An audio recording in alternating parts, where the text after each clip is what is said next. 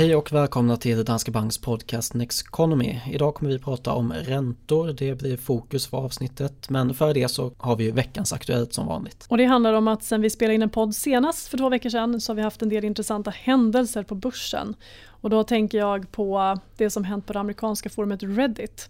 Där massor av privatsparare gått samman trissat upp kurserna på aktier som till exempel GameStop. Men man gick även på silver eh, under veckan här. Och det har ju skrivits spaltmeter om det här så att vi ska inte fördjupa oss i det. Men vi kan väl bara konstatera att rapporter från nätmäklarna pekar på att det här har blivit en väldigt dyr affär eh, för många av deras kunder när den här aktien sen föll 90% på ynka sex dagar. Och det här sätter ju ljuset tycker jag på ett väldigt vanligt problem som har funnits väldigt länge bland småsparare och mer aktiva sparare. Och det handlar ju om dålig riskspridning. Att man ofta har en eller ett fåtal aktier, ofta inom samma bransch vilket då resulterar i att man får en alldeles för hög risk. Och att om någonting går snett så kan det få väldigt, väldigt stor effekt på sparkapitalet. Ehm, så att eh, den här typen av spekulation, ja den kan resultera i extremt stora vinster på kort tid eller extremt stora förluster.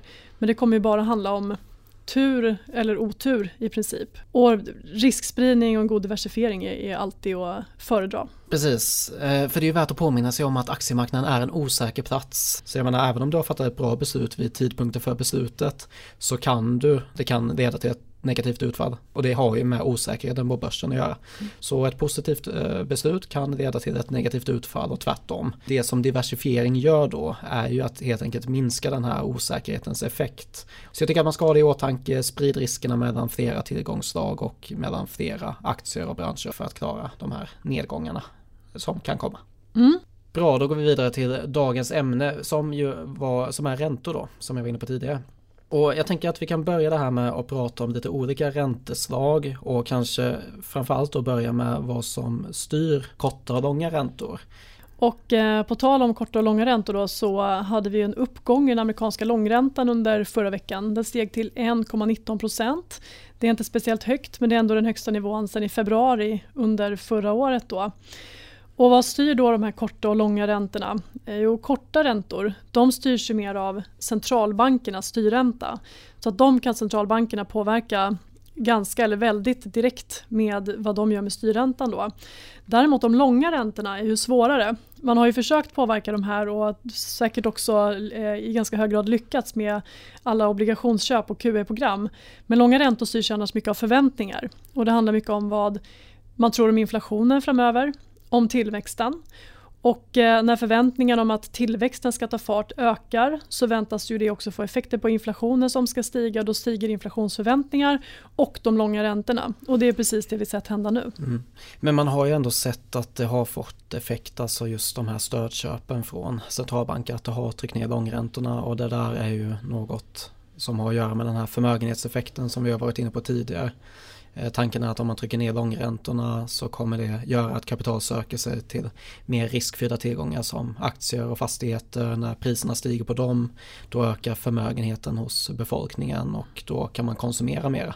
Och det ska då få upp inflationen. Men det har ju inte riktigt fungerat så då.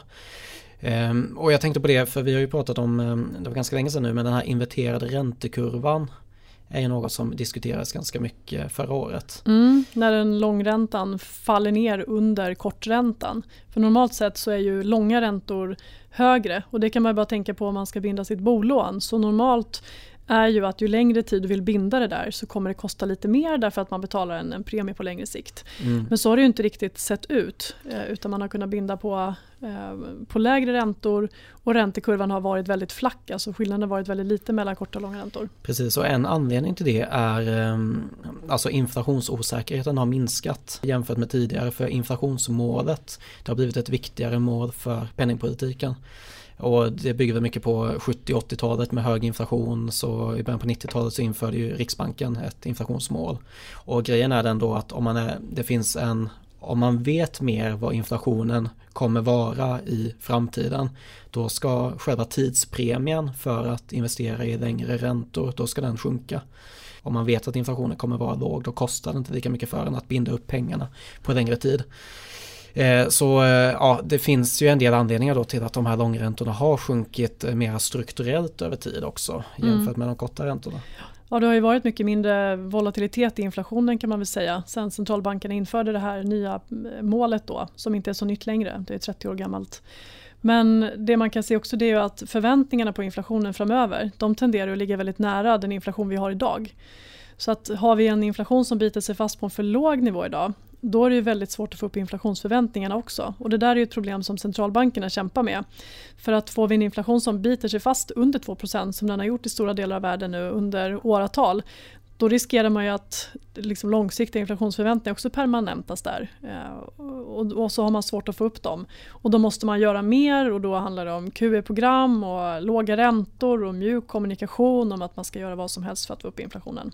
Eh, och jag var inne på det tidigare, duration är ju ett eh, viktigt begrepp då när det kommer till räntor, alltså just om beroende på hur lång räntan är desto mer duration kallar man det i en ränteportfölj då. Så en eh, duration på mm, fyra säger vi. Eh, det betyder alltså att obligationerna i den här portföljen de har en genomsnittlig löptid på fyra år. Och väldigt grovt kan man då säga att om räntan, allt annat lika, skulle stiga med en procentenhet då tappar fonden lika många procentenheter som den har i duration. Så att en fond då med en duration på fyra år om räntan stiger 1% då tappar den 4% i värde. Så att ju längre duration en fond har desto mer ränterisk får du i din portfölj. Eh, så att det här betyder att om du tittar eh, på din obligationsportfölj och sen så kollar du på durationen då i, i dina obligationsfonder och den är väldigt lång, ja då kommer portföljen påverkas mer av att räntan stiger, Eh, då sjunker värdet på din obligationsfond, eller att räntan sjunker, då stiger värdet istället på obligationsfonden. Mm. Om man kollar på någon typ av snitt över svenska obligationsfonder så kan man nog tänka sig att den där durationen har kommit ner något och istället då ersatts av en del kreditrisk som ju är en annan risk när det kommer till just räntefonder. För ränterisken är då det påverkas av förändringar i räntan som du var inne på och kreditrisken handlar ju då om att ett företag, eh, ja det kan ju vara en stat också, ställer in sina betalningar. Och, eh, men man brukar ändå se det som att en stat är en riskfri, eh, i alla fall en kreditriskfri ränta. För man förväntar sig inte att det kommer hända att de ställer in sina betalningar. Ehm, Medan då en kredit hos ett företag ser man ju då som en kreditrisk helt enkelt. Och det här kan ju vara bra att tänka på då att obligationer är ju lite mer etta nolla än vad aktier är. För att om du har ett företag som går omkull och du har en obligationsfond som har säg 2-3% av kapitalet placerat i en, det här bolagets obligationer så kan ju i värsta fall då eh, ja, 2-3% av fondens värde raderas ut vid en sån händelse. Och tittar man på den förväntade avkastningen på en obligationsfond idag så är den väldigt, väldigt låg. Beroende på vilken typ av fond så kan det handla om mellan 0 och 3 procent.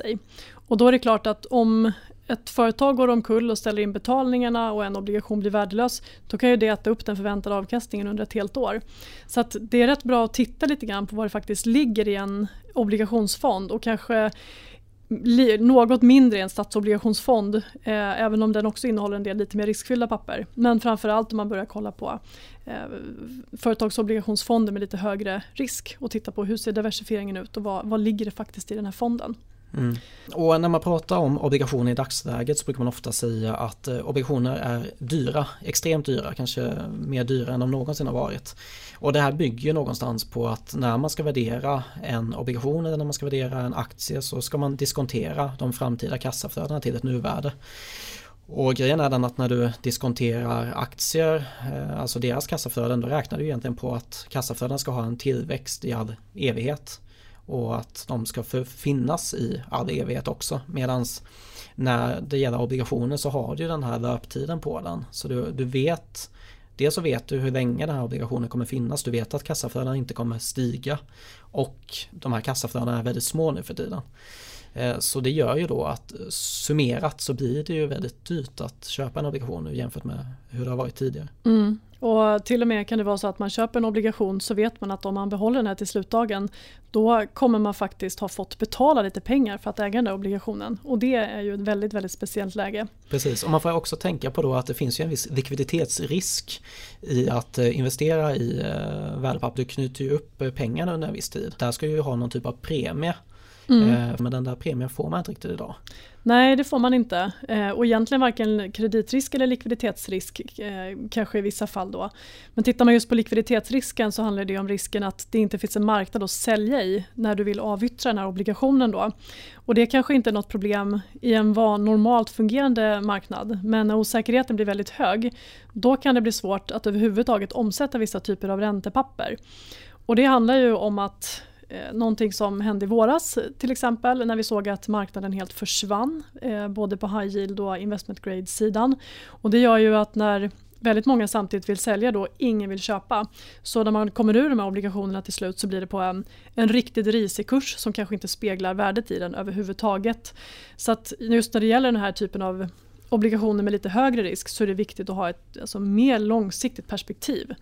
Man eh, kan inte tänka att man ska kunna sälja den här eh, precis när som helst eh, och alltid få tillbaka pengarna eller se en investment grade eller high yield-fond som ett alternativ till en räntefond som inte kommer påverkas av börsturbulens för det kommer den i allra högsta grad göra.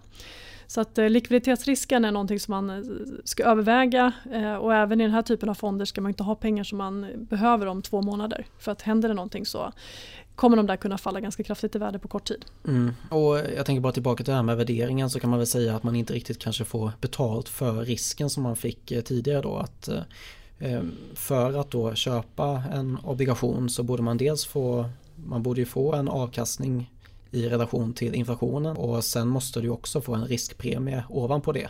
Men jag menar nu har vi ju då obligationsräntor i vissa fall som kanske till och med ligger under inflationen och sen får du ingenting extra för att du faktiskt då lånar ut dina pengar under en viss tid. Mm.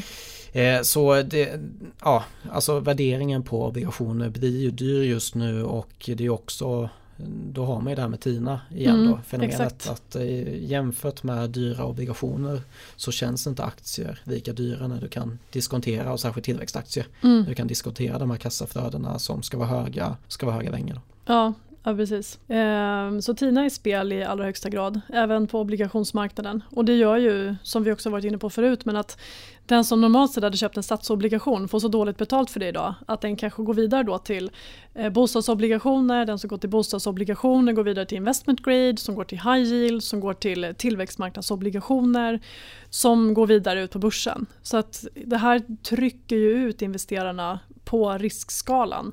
Och allting hålls ju också igång eh, och fungerar därför att centralbankerna hela tiden finns där som stöd. Och vi har ju sett ett antal gånger sen finanskrisen hur framförallt Fed då har klivit in när det blivit väldigt oroligt. Så går man in, man öser på med likviditet, man stödköper, ser till att marknaden fungerar Eh, att det finns massor med likviditet och sen så har det stabiliserats och vänts upp igen. Och så omfattande som man gjorde det nu under coronakrisen har vi ju eh, inte sett förut. Men det funkade ju även den gången. Eh, så att eh, ja, TINA har ju i högsta grad varit i spel de senaste tio åren eh, och kommer sannolikt förbli det under en överskådlig framtid. Mm. Jag tänkte att vi skulle gå in lite på hur vår allokering ser ut i räntebenet då. Eh, för du var inne på det där, alltså beroende på vilket steg man tar i den här riskskalan så kan man ju få Dels så kan man få en annan typ av avkastning då, du kan förhoppningsvis få en högre avkastning och också en annan då korrelation till portföljen. Så beroende på vilken typ av obligation som man investerar i, det, det kommer alltså påverka både din avkastning och risk i portföljen som helhet. Men sen så gör vi ju såklart avsteg ifrån en mera strategisk portfölj där man blandar över alla de här typerna av obligationstillgångsslag och överviktar och underviktar sånt som vi tror mer eller mindre på för stunden. Och som det ser ut idag då så har vi en övervikt delvis i eh, emerging market debt och tillväxtmarknadsobligationer. Mm. Och man kan väl bara börja med att konstatera att bottenplattan trots låg avkastning består ju av lokala statsobligationer. Och där är ju den förväntade avkastningen väldigt låg. Den ligger ju kring noll eller i värsta fall är den till och med negativ. Men eh, en, en ränteportfölj är ju till för att den ska stabilisera portföljen om någonting händer som man inte räknat med och då kan man inte stoppa allting i investment grade och high yield bara för att höja avkastningen. Så att lokala statsobligationer i bottenplattan, låg förväntad avkastning. Men sen kan man ju då spetsa det här och hitta olika sätt att skapa högre avkastning och då handlar det till exempel om eh, att addera investment grade, high yield eller tillväxtmarknadsobligationer. Och just när det gäller tillväxtmarknadsobligationer så har vi en övervikt och har haft det sedan en period tillbaka och i princip så kan man väl säga då att risken är ju högre på tillväxtmarknader. Eh, du har högre kreditrisk i både stater och företag och i vissa fall kan det vara svårare att bedöma de där också än vad det är på utvecklade marknader. Men det positiva då det är ju att i de här tillväxtländerna så har du ett högre ränteläge än i den utvecklade delen av världen. Så medan vi har nollränta i USA, för svensk del i Europa så har man en, en räntenivå som är betydligt högre eh, på tillväxtmarknader. Och tittar man på hur en sån här fond ser ut om man investerar i en tillväxtmarknadsobligationsfond, världens längsta ord, så är faktiskt diversifieringen väldigt god. Och eh, man får genom att investera i en sån tillväxtmarknadsobligationer från en rad olika, eh, framförallt länder, stater då, men också från företag på tillväxtmarknader. Så att de där ger en, en, bättre riskspridning än vad man kanske kan tro. Men sen ska man vara medveten om att händer det någonting som det som hände i våras, eh, osäkerheten ökar, så kan de här också fluktuera mer i värde. Precis. Och någonting som påverkar både tillväxtmarknadsaktier och tillväxtmarknadsobligationer det är ju dollarn. För att den typen av stater då har skulder i dollar. Mm. När den försvagas då är det enklare för den här, de här staterna och företagen också, alltså att betala dollarskulder. Det har ju haft en positiv effekt på tillväxtmarknadsobligationer det senaste halvåret egentligen sen, sen dollarn försvagats efter coronakrisen. Sen finns det ju andra eh, räntebärande då. Investment grade har vi haft en övervikt i ganska länge. Det är ju företagsobligationer med hög kreditvärdighet. Den förväntade avkastningen är något högre än på statsobligationer så att vi har de kommande 12 månaderna ja, 1-2 procentenheter ungefär eh, i förväntad avkastning då, givet eh, förutsättningarna. Det är ju inte jättemycket eh, men som sagt det är en positiv eh, förväntad avkastning och den kompenserar åtminstone för inflationen. Men vi har nyligen då eh, plockat ner investment grade från en dubbel övervikt till neutral vikt och anledningen är att vi ser med stöd av vaccin en starkare tillväxt under det här kommande året. Och det kommer gynna andra typer av obligationer mer. Det kommer öka riskaptiten och det kommer vara bättre till exempel för high yield och för tillväxtmarknadsobligationer. Då. Mm. Och då har vi alltså numera tagit upp den där eh, high yield-delen av portföljen till en övervikt. Mm. Och, eh, ja, och det är ju en högre risk då än IG som du var inne på. Och eh, där har man väl ändå sett eh, för något som var väldigt tydligt i, i mars där det var ju de här kreditspreadarna.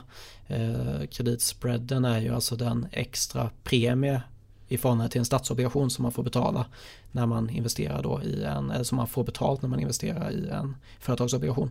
Eh, och de var ju jätte, ja de var ju på nästan rekordnivå i, mm. i våras där. Ja. Eh, men de har ju kommit tillbaka nu så då kan man ändå tänka sig att man kanske inte har samma avkastning framgent att hämta i dem. Men vi tror fortfarande att det finns potential i high yield då. Ja men det ser vi och eh, till skillnad från investment grade då där spreadarna har krympt ihop till historiskt små nivåer så de har gått ihop i high yield också men vi är fortfarande inte tillbaka på någon, någon historiskt låg nivå.